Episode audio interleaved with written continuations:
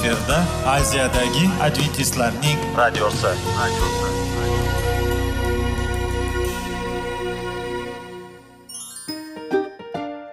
Assalomu alaykum aziz radio tinglovchilar. Sog'liq daqiqasi rubrikasiga xush kelibsiz.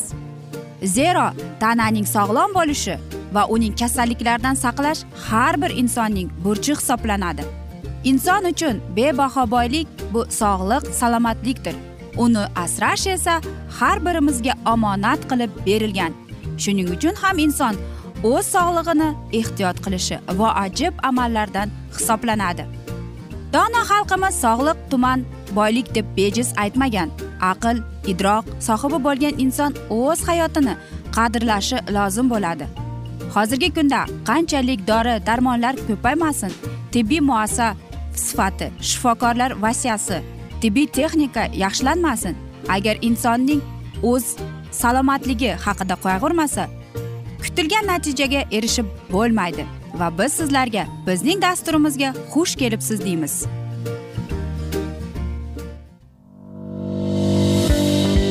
Sog'liq daqiqasi soliqning kaliti qiziqarli ma'lumotlar faktlar. Har kuni siz uchun foydali maslahatlar. Sog'liq daqiqasi rubrikasi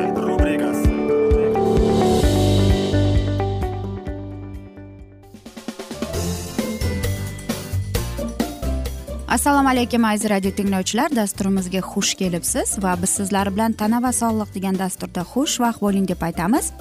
Va bugungi bizning dasturimizning mavzusi jigar.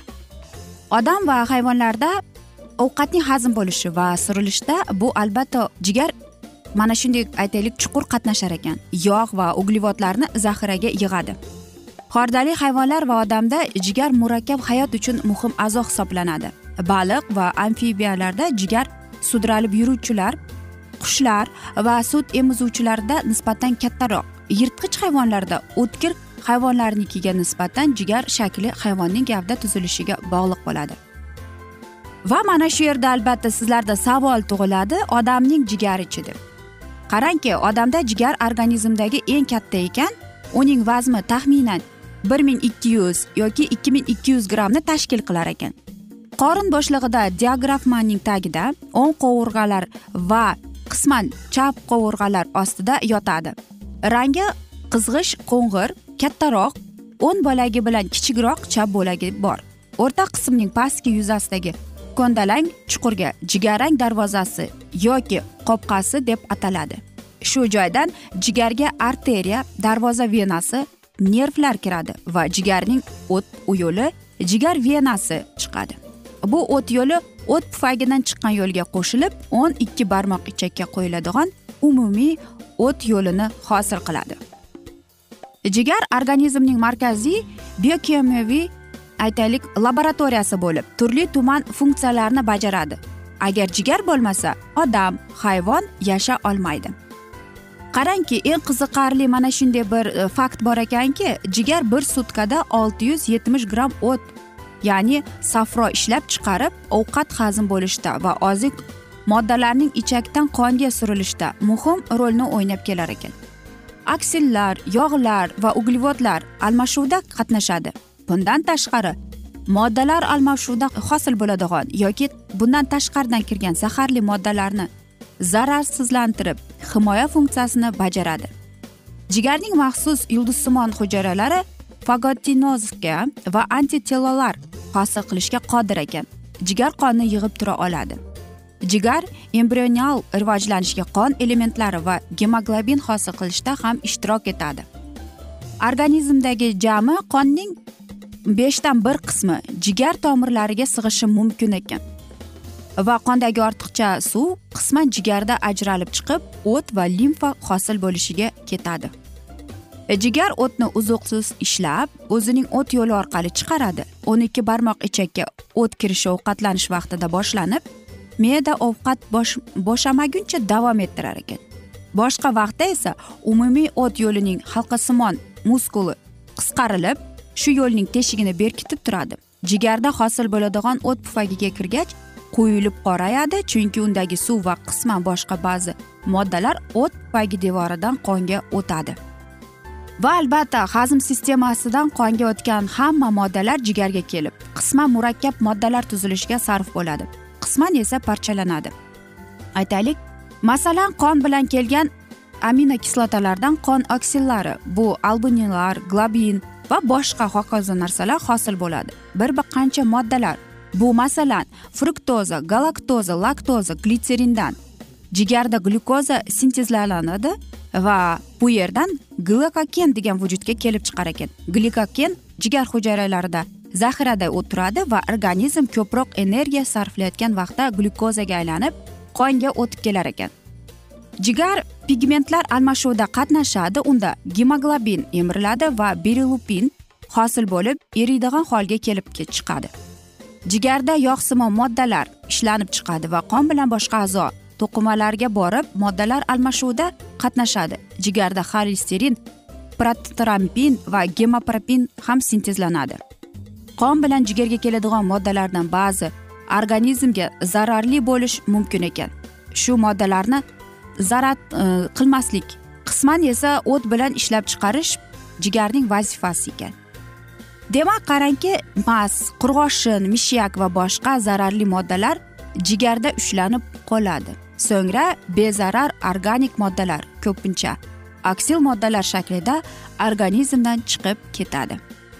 Organizmda aksillar parchalanishdan hosil bo'ladigan amiyak qisman siydik kislota hamda jigarda mochevinovaga aylanib organizmdan sidik bilan chiqib ketadi. Qarang mana shunday bir foydali ko'proq mana shunday faktlarni bildik biz. Ammo lekin umuman olib qaraganda jigar bu filtr desak ham bo'ladi bizning organizmdagi filtrlar ekan. Va mana shunday shifokorlarning aytishicha biz qancha jigarimizni ehtiyot qilib yoki aytaylik unga qarasak jigarimiz ham bizga ko'proq albatta xizmat qiladi. Qanday deysizmi? Qarang. Metabolik funksiyasi ham bor ekan. Jigarda qand masalan yoki oq yog' almashuvda ishtirok etar ekan. Yoki masalan siz e, spirtli ichimlik ichsangiz albatta bu borada jigarning ishi pasayib va albatta u zarar bo'lib qoladi. Va jigar o'z ishini to'xtatib qo'yar ekan. Va qarangki qon ivishiga ta'sirini ham ko'rsatadi. Qonning ivishi xususiyatiga ta'sir qiluvchi va ishtirok etuvchi barcha omillar jigarda ishlab chiqariladi va ular koaglyutiv ya'ni ivish va antiaglyutiv ivishga qarshi sistemalarnida ishtirok etar ekan. Aziz do'stlar mana shunday asnoda biz afsuski bugungi dasturimizni yakunlab qolamiz chunki bizning dasturimizga vaqt birozgina chetlatilgani sababli ammo lekin keyingi dasturlarda albatta mana shu mavzuni yana o'qib eshittiramiz. Aziz do'stlar sizlarda savollar tug'ilgan bo'lsa biz sizlarni salomat klub internet saytimizga taklif qilib qolamiz. Va biz umid qilamizki siz bizni tark etmaysiz deb chunki oldinda bundanda qiziq va foydali dasturlar kutib kelmoqda. Va albatta biz sizlarga va yaqinlaringizga sog'lik salomatlik tilab o'zingizni va yaqinlaringizni ehtiyot qiling deb xayrlashib qolamiz.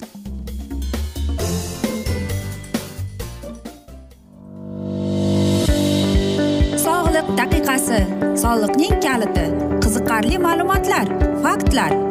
Har kuni siz uchun foydali maslahatlar. Sog'liq daqiqasi rubrikasi.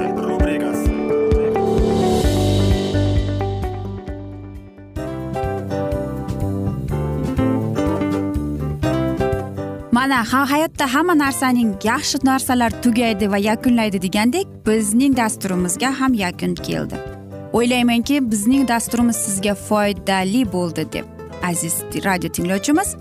Va siz o'zingiz uchun kerakli xulosalar kerakli maslahatlar olib oldingiz. Aziz radio tinglovchimiz biz bilan qoling va keyingi dasturlarimiz albatta undanda qiziqroq bo'ladi. Mana shu alfozda sizlar bilan xayrlashib qolaman.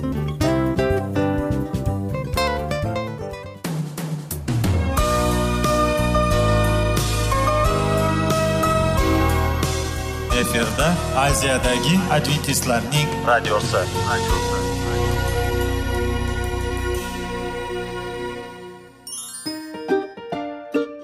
Assalomu alaykum aziz radio tinglovchilarimiz. Dil izhori dasturimizga xush kelibsiz. Pul insonni baxtli qiladimi? Albatta yo'q.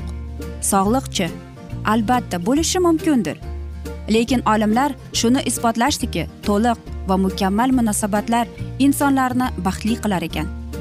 Albatta biz hayot davomida biz yaqin insonlar bilan odamlar bilan aloqada bo'lamiz va ular bilan munosabatlarimiz qanday kechadi qanday tuziladi? Yigit va qiz er va xotin ota ona va farzandlar va yaqin insonlar bilan. Balkim hozirgi vaqtda kimnidir hayoti yoki munosabatlari buzilyapti. Va bizning dasturlarimiz ularga yordam bo'ladi deb. Va oldinda sizlarni qiziqarli intervyular va mavzular kutyapti va biz umid qilamizki siz biz bilan qolasiz deb.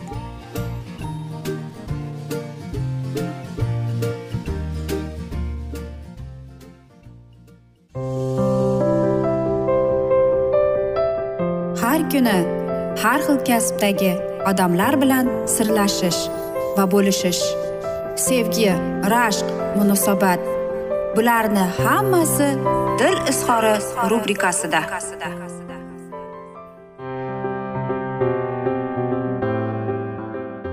Assalomu alaykum aziz radio tinglovchilar. Dasturimizga xush kelibsiz va biz sizlar bilan erkaklar marsdan ayollar veneradan degan dasturda xushvaqt bo'ling deb aytamiz. Va bugungi bizning dasturimizning mavzusi uyingizdagi psixologik muammolar deb nomlanadi. Er va xotin yigit va qiz ishdan yoki o'qishdan quvonch bilan ufurib turgan muhit to'la uyga qaytib kelishi qanchalik ajoyib. Ular tabassum hazil mutoyiba va o'zaro yordam muhitida bo'lib muhabbat va hamdardlik muattar hididan bahra oladi. Bularning barchasi baxtli uy.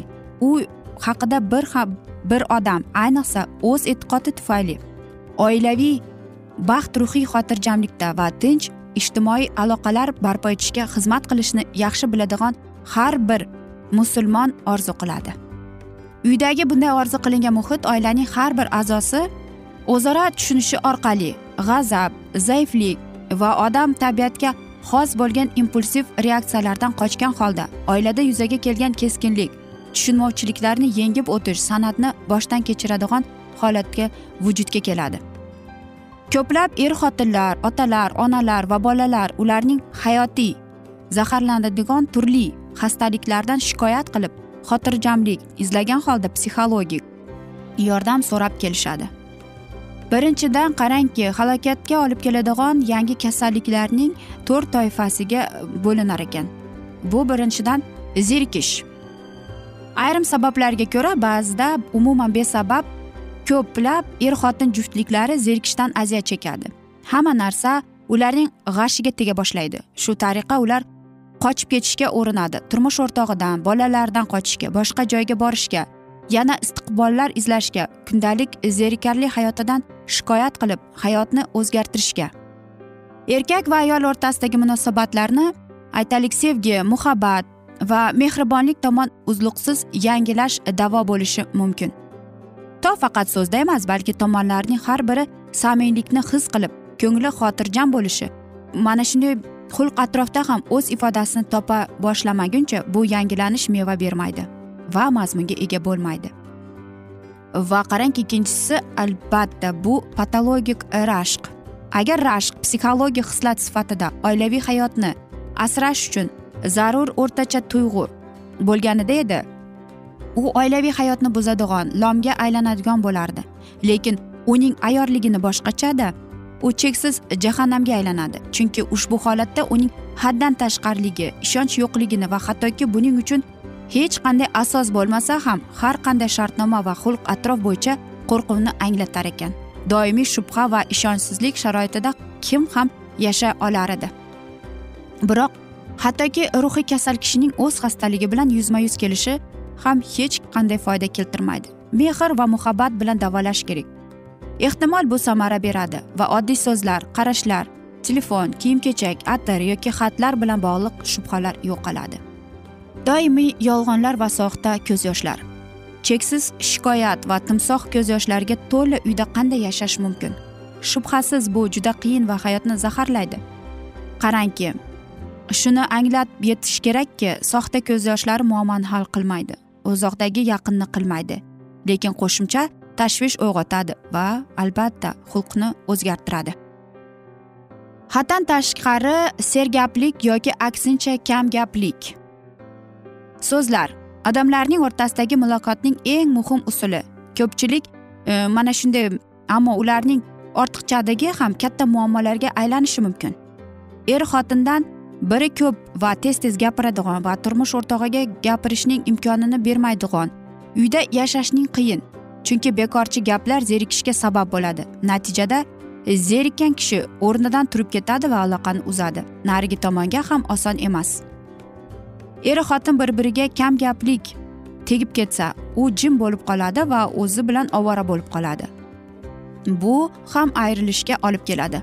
Chunki haddan tashqari kamgaplik begonalashib ketish va beparvo munosabatga olib keladi. Er xotinidan e, biri turmush o'rtog'idan begonalashadigan va uni e'tiborsiz qoldiradigan bo'lsa falokat yuz beradi. Bunday holatlarda oltin o'rtalik har doim yaxshi bo'ladi. Kam gaplik damni boshqalarni tinglash va ular aytayotgan narsalarni zavqlanish o'rgatadi. Buning o'ziga xos jihati shundaki u aql sohiblari va jamiyatni ichki muammolarini dialog orqali gap qilishi va bir birlari bilan fikr almashishga o'rgatadi. Oilada yuzaga keladigan muammolarning aksariyati ayniqsa yosh er xotinlarda. Ushbu patologik muammolar natijasi hisoblanadi. Er xotin o'rtasidagi tinch munosabatlar sevgi rishtalarini yangilashdan doimiy mana manfaatdorlik haddan tashqari rashqdan voz kechish va hayotga yangicha qarash o'z so'zlarini to'g'ri ishlatishda olish o'rtalachikka rioya qilish va zarur hollarda ularni ifodala xasislikdan qochish zarur.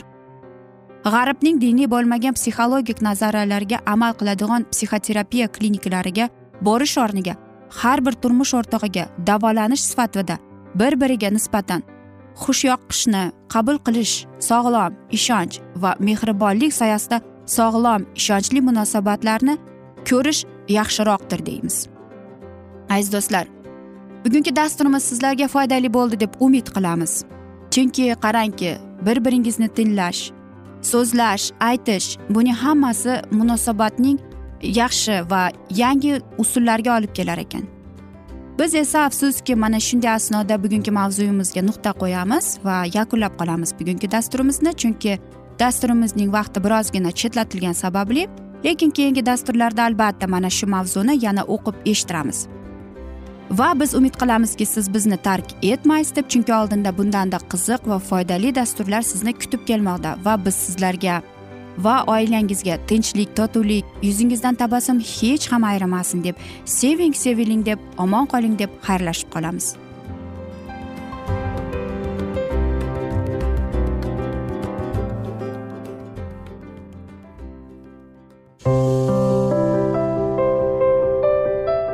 Har kuni har xil kasbdagi odamlar bilan sirlashish va bo'lishish.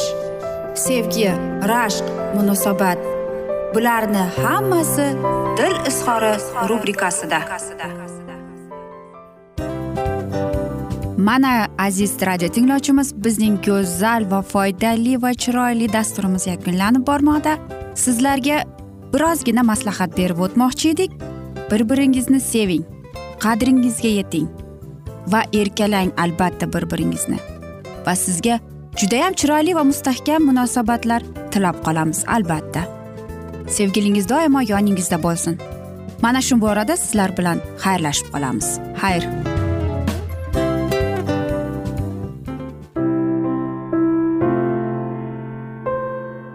Hayotning noni. Qiziqtirgan savollar va javoblar. Buning hammasi ko'ngil uchun oziqa rubrikasida.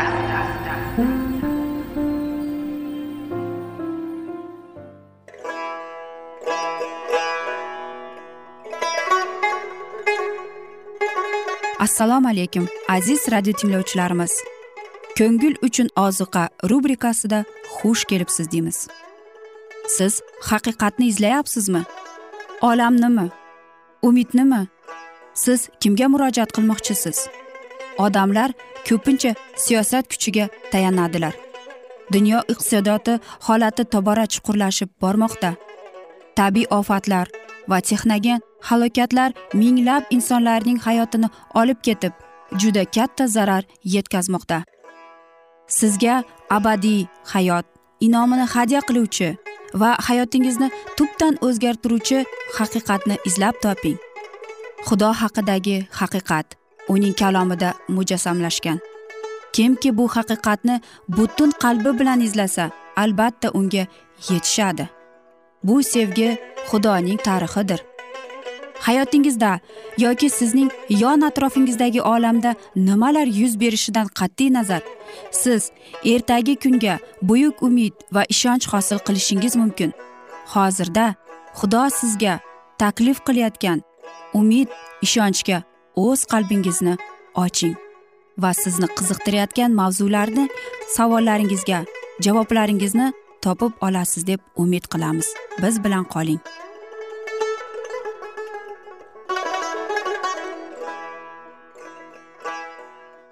Assalomu alaykum aziz radio tinglovchilar. Dasturimizga xush kelibsiz. Va biz sizlar bilan ulug' kurash degan kitobni o'qib eshittirishni boshlagan edik va bugungi bizning dasturimizning mavzusi amalga oshgan bashoratlar deb nomlanadi va biz sizlar bilan o'tgan galgi mavzuni bugun davom ettiramiz. bir ming sakkiz yuz qirq to'rtinchi yildagi kuzgi harakatga qaraganda havoriylar davridan boshlab barcha diniy harakatlardan hech biri bunchalik insoniy nomukammallikdan va iblis vasvasasiga berilishdan bu qadar yiroq erkin bo'lmasa kerak. Uzoq yillar o'tgandan so'ng hattoki hozirda ham bunday xizmatda ishtirok etuvchilar va haqiqatga qat'iy ishonuvchilar haligacha bu marhamatli harakatning muqaddas ta'sirini his etadilar. Bu xudodan ekanligiga guvohlik beradilar.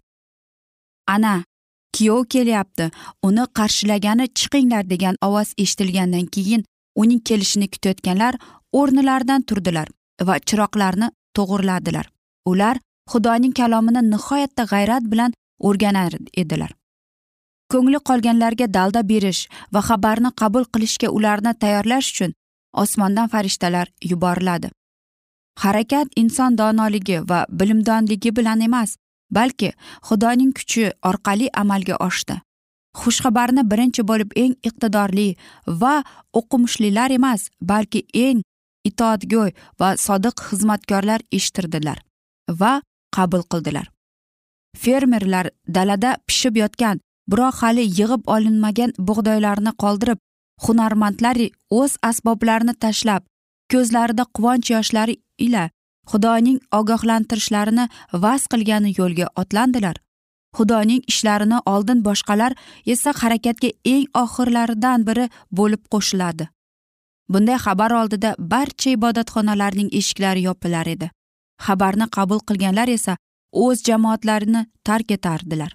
Yarim tundagi ovoz ikkinchi farishtaning xabariga jo'r bo'lib unga yanada katta kuch bag'ishlash uchun xudoning vahiyga manzur edi. Ana kuyov kelyapti degan xabar hech qanday isbotga muhtoj emasdi. Chunki bu xabar muqaddas kitobning aniq va ma'lum guvohlariga asoslandi. Ushbu so'zlar inson qalbiga hukmron edi. Ularda shubha va gumonga o'rin yo'q edi.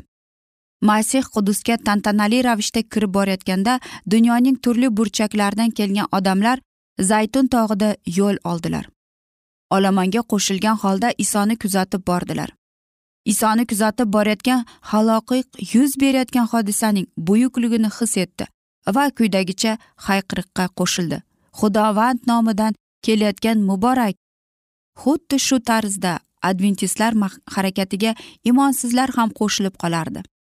Kimlardir qiziqish uchun kelgan bo'lsa yana boshqalar hazil tariqasida biroq ular ham boshqalar ham ana kuyov kelyapti degan xabarning kuchini o'zlarida his qiladi. O'sha paytda odamlar ularning ibodatiga javob olish imkonini beruvchi e'tiqodga ya'ni mustahkam e'tiqodga ega bo'lganlar. Bunday e'tiqod egalari hech qachon sovrinsiz qolmaganlar. Suvsizlikdan qaqshab turgan yerga shifobaxsh yomg'ir yoqqan singari haqiqatni qabul qilishga tashna bo'lgan qalblarga marhamat ruhi tushdi. O'zining najotkorini ko'rishga muyassar bo'lganlar esa benihoyat shodu xuramlikni his qildilar. Muqaddas ruhning gunohni yengillashtiruvchi va itoat ettiruvchi kuchi tosh yuraklarni eritib yuborardi. Uning cheksiz marhamatlari esa haqiqatning chinakam izdoshlariga mo'l qo'l huzur halovat baxsh etardi. Xursandchilik bilan ushbu xabarni qabul qilganlar rabbiyni kutib olish maqsadida ana shu uchrashuvga astoydil tayyorgarlik ko'rdi. Har kuni ertalab xudo ularni qabul etganiga ishonch hosil qilishni o'zlarining birlamchi burchlari deb hisobladilar. Ular hamjihatlikda bir birlari uchun qizg'in ibodat qiladilar. Xudo bilan muloqot qilish uchun ular birgalikda xilvat joylarda to'planishardi. Dala va o'rmonzorlardan osmon tomonga yo'llantirgan najot haqidagi otashin ibodat taraladi. Rizq ro'z hisoblanmish nondan ko'ra ularga najotkordan tahsini zarurroq edi. Agar ularning qalblarini nimadir qayg'uga solgan bo'lsa to ularning qalblarida tinchlik va xotirjamlik hukm surmaguncha ular o'zlarini qo'ygani joy topolmas edilar. Ular o'zlarida kechiruvchi huzur halovat ta'sirini his qilganlarida ularning o'zlari qizg'in sevgan va xudoning nomidan kelayotgan ko'rishga muhtoj edilar. Biroq yana ularning hafsalasi pir bo'ldi. Belgilab berilgan vaqt o'tdi lekin najotkor kelmadi. Ular sabot bilan najotkorning kelishini kutar edilar va endilikda ular maryamning holatiga tushib qolgan edilar. Chunki o'shanda maryam isoning qabriga kelib uning jasadini topolmay rabbimni olib ketishdi. Uni qayerga qo'yishganimni bilmayman deb faryod qilgandi. Bu xabar haqiqat bo'lib chiqishini mumkinligi haqidagi qo'rquv va xavotirli hissi ma'lum vaqt imonsizlarni to'xtatib turdi. Aytilgan vaqt o'tib ketgandan keyin bu his tuyg'ular darrovdagina ularni tark etmadi. Oldiniga ular masihni kutuvchilarning hafsalasi pir bo'lganidan xursand ekanliklarini ochiqchasiga ko'rsatishga jur'at etolmadilar. Xudoning umuman qahri kelmayotganiga ishonch hosil qilganlaridan keyin imonsizlar xudoning chin farzandlari ustidan kulib ularni masxara qila boshladilar. Aziz do'stlar mana shunday asnoda biz bugungi dasturimizni bugungi mavzuyimizni yakunlab qolamiz. Chunki bizning dasturimizga vaqt birozgina chetlatilgani sababli.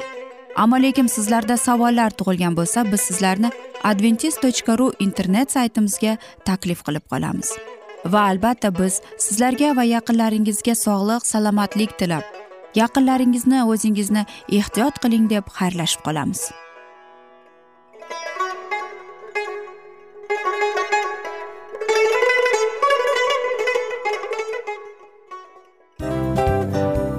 A afsus afsus.